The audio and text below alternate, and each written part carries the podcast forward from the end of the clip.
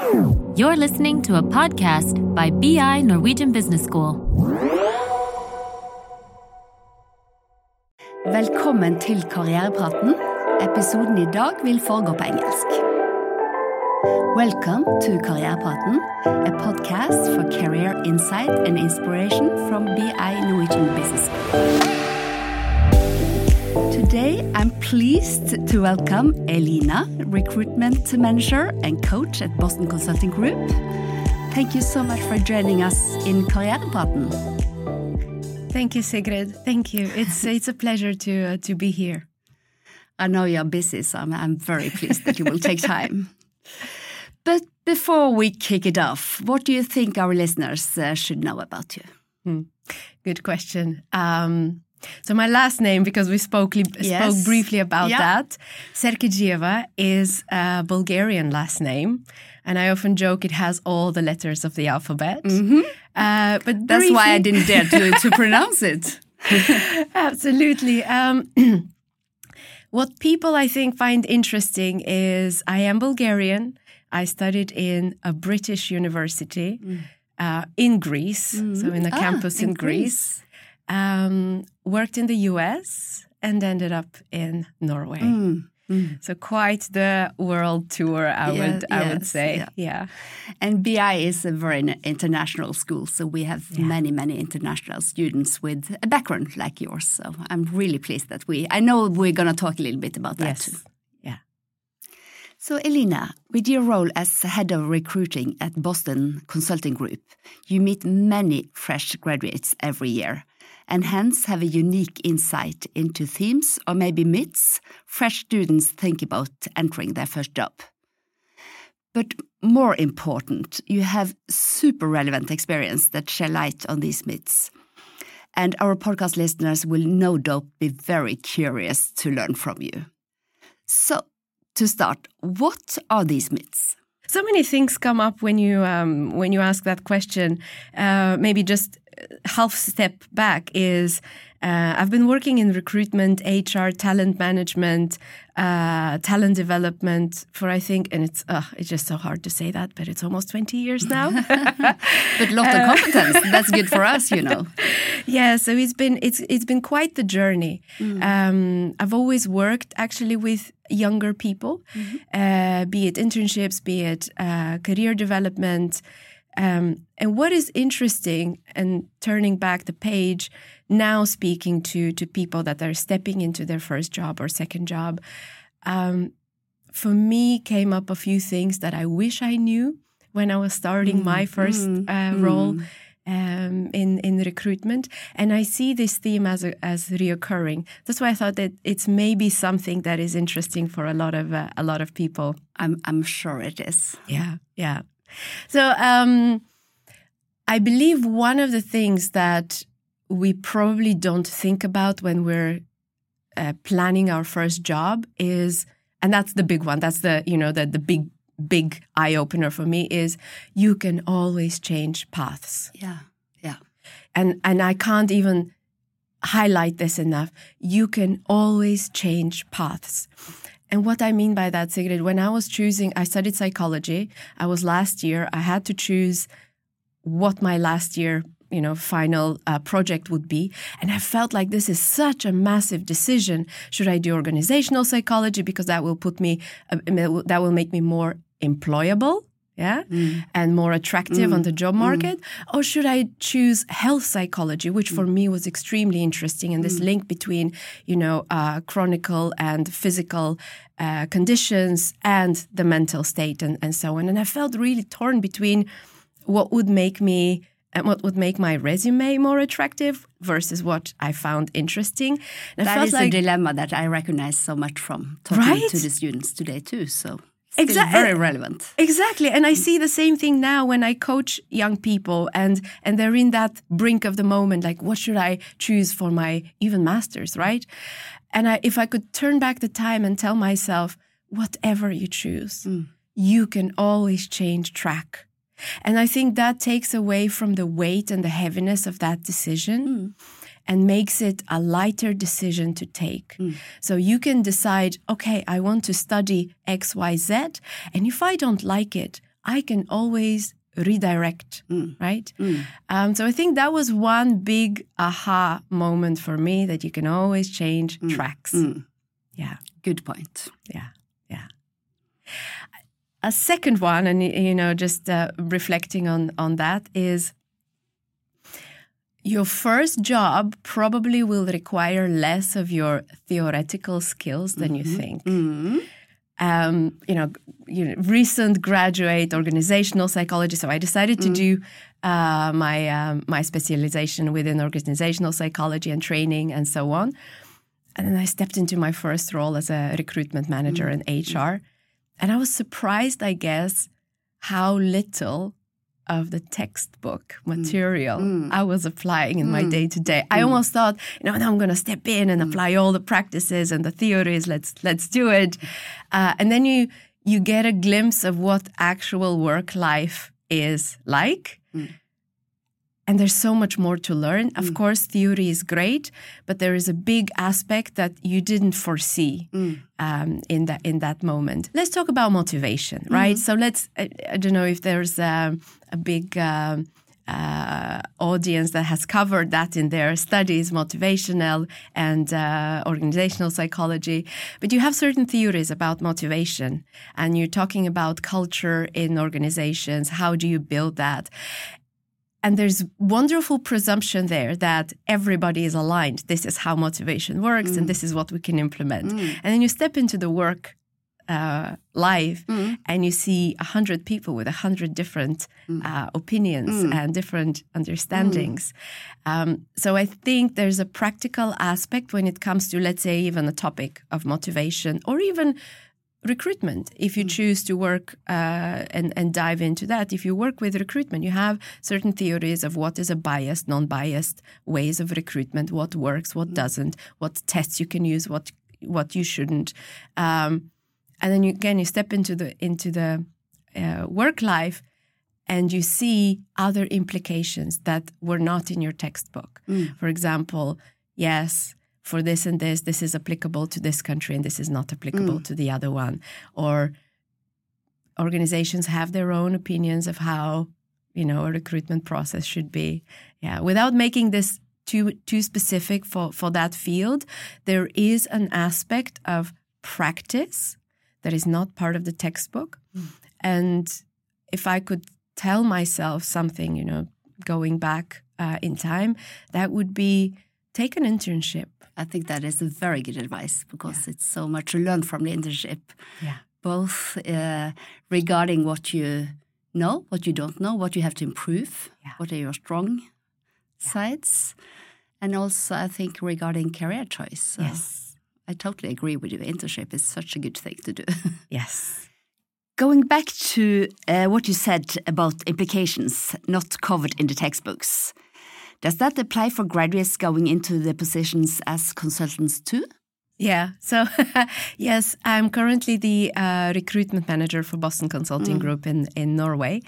Um, I did not know so much about consulting prior to BCG. I came from the software industry and I had the, the privilege and the, the pleasure to work for a company called Opera Software for the those of us that remember the 90s and the 2000s and the 2010s uh, of the software um, boom in, in uh, Norway and globally but I didn't know so much. And I guess what I'm going to say applies to a lot of people that also join BCG as graduates is the moment you start is when your learning begins. It's wonderful that you're bringing a lot of expertise like myself from from a different industry or from a different field. And the world of consulting, particularly in BCG, has its own toolkit that you will make your own. Yeah. So the moment you start is actually almost like a separate learning uh, path and a different learning. Continue of your Yes. learning process. Yeah.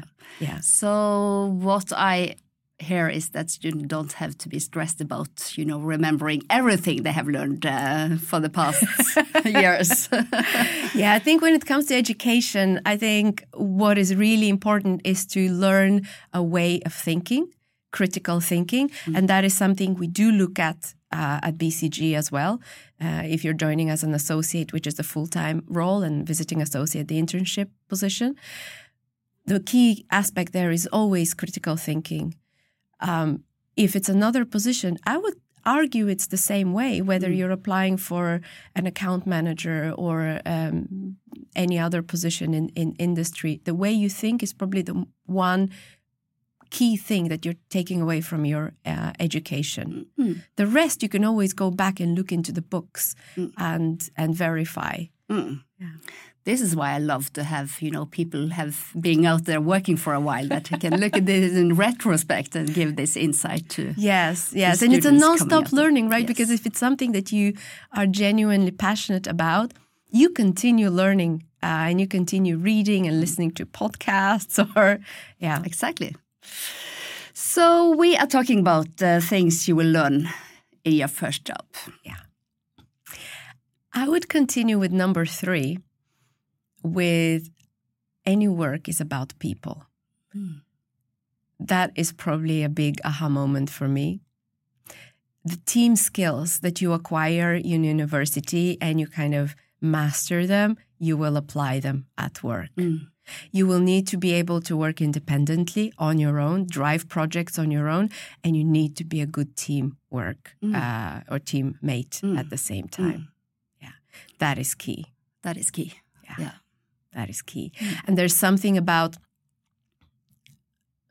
I don't really like that word boundary, Mhm. but there is need to to clear to be very clear on what am I doing? What are you doing? Mm. How are we doing this together? Mm. And I think this is something you learn in your coursework when you're Mm. doing team assignments. And it's very, very important skill Mm. that you are transferring it to work as Mm. well. So, what do I mean by that? So, when I coach, for example, younger students um, at the moment, uh, and I, I do see it as a very fulfilling and um, full of meaning and purpose opportunity. Uh, I coach young people in their teams and also individually on one on ones in, in BCG. What I see is very often if we let's say me and you we have a tar- uh, we have a project together we need to move this table but you are not here at six o'clock as we agreed that we're going to move the table at six o'clock. What do i do? I either move the table on my own or i leave you know the whole project aside or i become angry at you for not showing up but i mm. don't express it. There's there's something there about project management that you also learn in school that is transferable to work. Mm. And so when you come to work, you start realizing, okay, so this is our project. We need to move our table. Did we agree on how? Did we agree on who does what? Or did we leave that hanging? So when I coach young people, I often see that when we're working on a case, when they're working on a case uh, or project together, there's always a bit of micro frustrations or uh, aspects that didn't, you know, fully weren't fully clarified. Mm. And I think this is important skill that you're learning at school. Mm. That's what I mm. mean that it's something you will learn at school that you will continue mastering at work as well. How do you work with people? Five, I think is um, I think that is um, something I discovered recently. We often look for purpose and meaning in our job. And how, how do I phrase this in a in a way that makes sense? I don't know if if anyone has come across a wonderful, wonderful speaker that I admire greatly, Esther Perel. She's a yes, she's actually a psychologist that works with couples, but she had a wonderful go- uh, talk in front of Google, I believe, about um, our relationships at work and how our expectations that we usually had in our romantic relationships have now shifted to the workspace.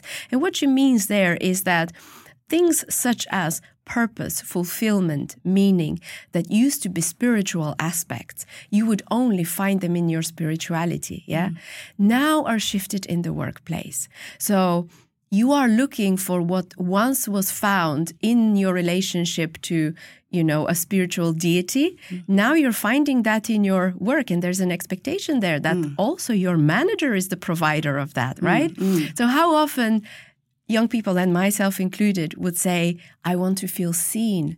I want to feel appreciated at work. I want to feel like I'm making a difference in the world. If I say that to my grandparents, they'll be like, What do you mean? A work is a work. You just go, you do it. Are you well paid? Are you getting along? This is um, a generation uh, difference, I'm sure. Yes, I mm. think it's, it's it's just how the world is progressing, isn't Yeah, it? It is. Yeah. Yeah, and I think the, the, this is the five aha moment for me. You, me placing that expectation to the work is in a way a key to failure. Mm. When it comes to meaning and purpose, we're responsible for finding that ourselves. Mm. If mm. that makes sense. Mm. Putting it as an expectation to a workspace or an employer is too much of a task. They will fail at that. But if we find it as my purpose is XYZ and I find this within myself, then it becomes easier. It becomes easier to to to find work that helps me contribute to that. I think this is so important, the perspective you are giving us now, because I hear a lot about, you know, uh, workplaces, there is a war for talent, workplaces should adjust to the young generation and what they are used to. But what you are saying, we, the young, young generation, and all of us have a responsibility ourselves to find this. Yes, Yeah. yes, a hundred percent, a hundred percent. I firmly believe that finding your own meaning is your own responsibility. Hmm. You cannot find meaning. You create it. You decide what's the meaning that you want to have for your life, and then you find a job that helps you hmm. achieve it. Yeah. and that can change Mm. through time. Hmm. But still, you can find it at work. Yes, you do. Yeah, yeah. You can create it together with with other people. Yeah. Yeah, but it is part of your self journey, I would say. Yeah. And uh, then we are turning into the sixth. Six, I would say, is grades do matter, Mm. not as much as you think, Mm. but they do matter. Yeah. So when it comes to studies, I think it's really important to have dedication and to uh, make sure that you are applying your best. Mm. Small, minor differences probably won't make as much of a difference as we would think, Mm. but grades do matter. Mm. Yeah. Yeah. And they are also proof of hard working skills Yeah. Yes. very often. Mm. Yes. Yeah. Yeah. And what do you think about the extracurricular activities? Do they count too? Yes, I do believe that they do. Mm. Even if it's when they're giving you extra skills that are not necessarily something that you would put on your on your CV, Mm. I firmly believe extracurriculum activities matter. Mm. Whether they're giving you extra skills on uh, Excel, whether they're making you a better presenter, it's development. Yeah, yeah, it is. So it's uh, learning all the way. Yeah. Mm. They might also give you more uh, network opportunities. And you never know where your next job will come from. Mm. Exactly. Mm. So we are moving Seven. along Seven. into seven. Seven, um, you will make a lot of different friends at the workplace. That I didn't expect. You know, I always thought of as a young uh, uh, graduate, I thought, you know, the workplace is a workplace. But you do form very strong bondings at work. And these bondings will probably also continue after you've left a, cer- a certain work, workplace. And they might be the stepping stones for your next career. Yeah. So creating good networks in your work is Yeah. very important. Yeah. And network and friend can be the boundary between them Yes. can be blurry. Yeah. Is that uh, a way to put it? Or what do you think about that? I think you do need to be mindful Yeah. of friendships and relationships at work. Mm. There is a certain maturity that you need to apply Mm. to to work situations. Work is work after all. Mm. What I mean is that forming good networks and good bondings with people is an excellent opportunity because you will have people that have the same values as you, have the hmm. same de- desire to grow, etc. And these people will stay in your life in one shape or another, hmm. whether as friends, whether as acquaintances, whether it's someone that you will further on work with, hmm. or they will recommend you to another position, or you will recommend them to a position. Yeah. Yeah. And at the same time, it uh, does your workday much more pleasant. It does. You have good relationships at work. It does. It does. Yeah. Okay, how are we doing Number so nine. far? Number nine. Yeah. Number nine. Work life balance is important. Mm. I remember my uh, mentor at the time. He was the dean of the uh, psychology department, and he kept asking me after my first job. My first job was extremely intense. I was the recruitment manager, uh, HR manager for Kempinski, which is a um, five-star uh, chain, n- German. Hot- hotel. chain, Yes, it? Yeah. exactly. It's Yeah. like Radisson, Yeah. but uh, k- yes. Um, and my first job, as it's with any job, you launch and you go and you go full in and you want to prove yourself. So you go full in and you work extra hours and you really give everything of yourself. And he kept asking me after I had graduated and would have follow ups with him. He's like, Elena, are you working out? Elena, are you making sure you're resting? Elena, are you making? And I was thinking, what is he talking about? What is this? Like, I, I have to prove myself. Now is my opportunity, right? It was several years later that I realized how important it is to have a good work life balance. And I mm. don't mean leaving your work at five. That's not mm. necessarily for everyone, the work life balance that we mean. But having your life things that give you energy and mm. take your mind away from one setting, be it work and, and so on. So have different aspects of your life in a good balance. Or if you if there's an intense period, have an idea until when. So if the next three months will be intense, have an idea. After these three months, I'm going to take one week and just, you know, calm down. Mm. That I didn't uh, maybe fully grasp in the very, very beginning, the importance of. So even in your first job, Yes. life work balance is important and probably also better for your effectiveness at work. I would. Yes. Mm. a hundred percent. Yeah. And I would say number 10. Number 10. I think we started with the big star, which was the really aha moment for me. Yeah. Number 10 is something I really wanted to share because I hear this a lot, especially from young, especially from young people that apply at BCG and especially consulting has this, I wouldn't say notorious, but it's been repeated again and again. It's long hours, it's long hours, it's long hours. I wanted to share something that I say to everyone that asks me, what about, you know, working in consulting is long hours? I worked for Kempinski. I did not work for consulting as my first job. I was going to work at 7:30 and I was leaving almost at 10 p.m. It, that continued for about a year and a half. And it's not because it was consulting. It was because it was my first job and I really wanted to learn as much as I can. I really wanted to prove myself. I'm not saying it's healthy. I'm saying it is very natural when you're doing something for the first time and you first dive in and the expectations of yourself are very high.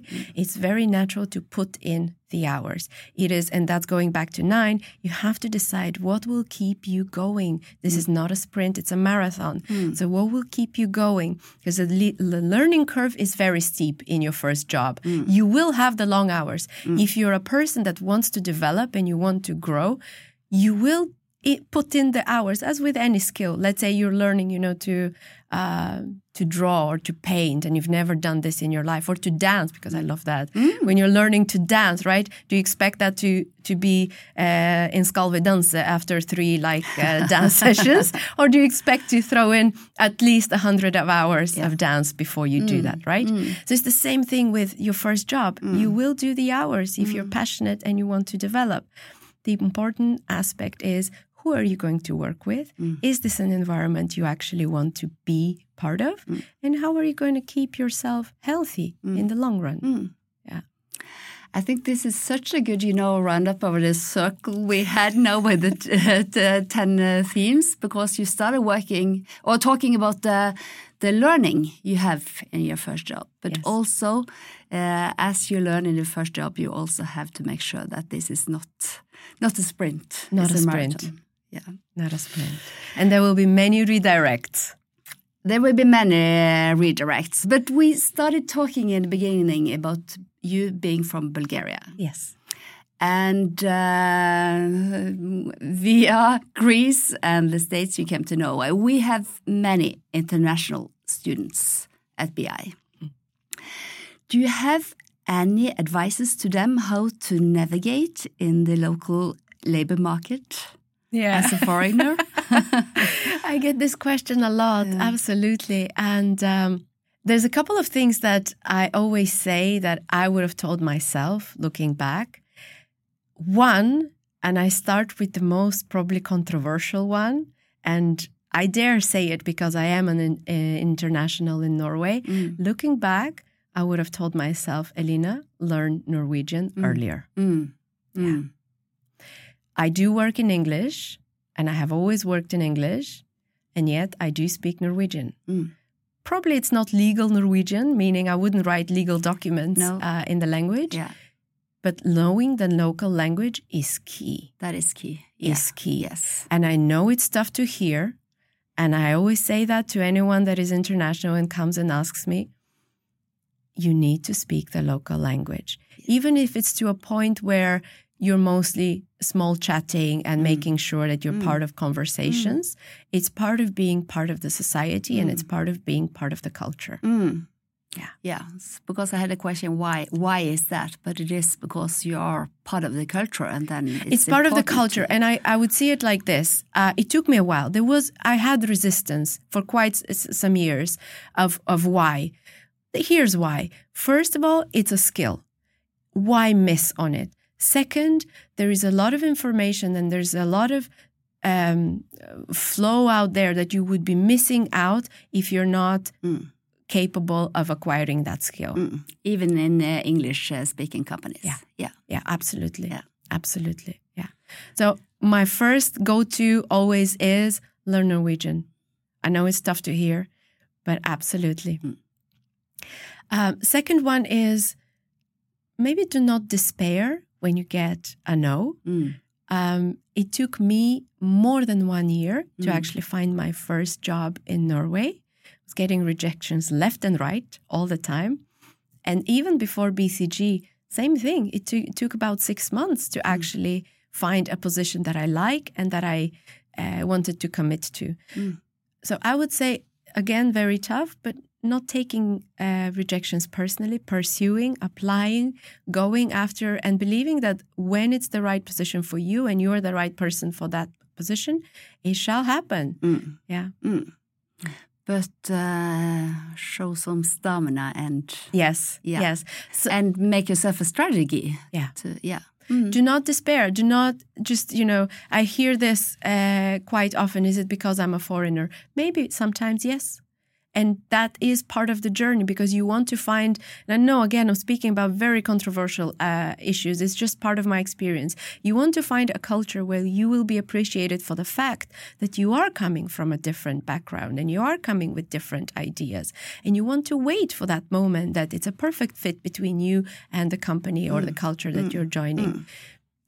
That is beneficial for both parties. Absolutely. Absolutely. And at the same time, do the steps, apply for several positions, for several opportunities.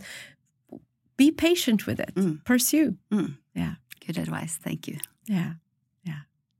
There is a lot of um, opportunities in Norway for nationals, internationals, for people with different um, backgrounds, with different experience.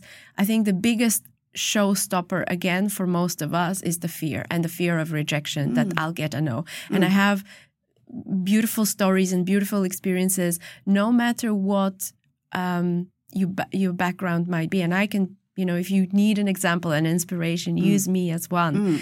You can make it happen. There is an aspect of persistence and sticking to it and continuing and believing, yes, there will be a perfect fit for you for that role, for that particular company.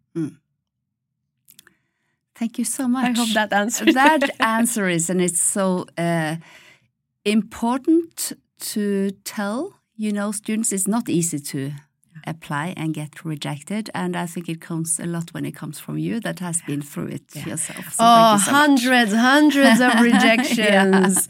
Absolutely. You know, I think this is what we do not do not see very often. We look at a person at a position and we we often think, you know, it must have been easy to get there. No, it mm. wasn't. No.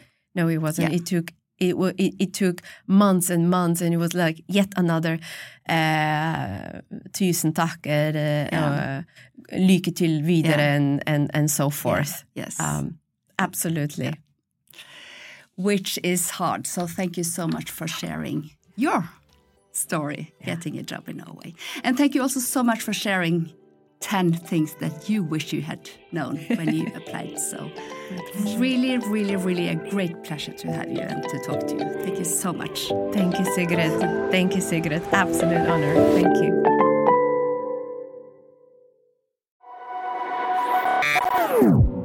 This is a BI production. Listen to more podcasts.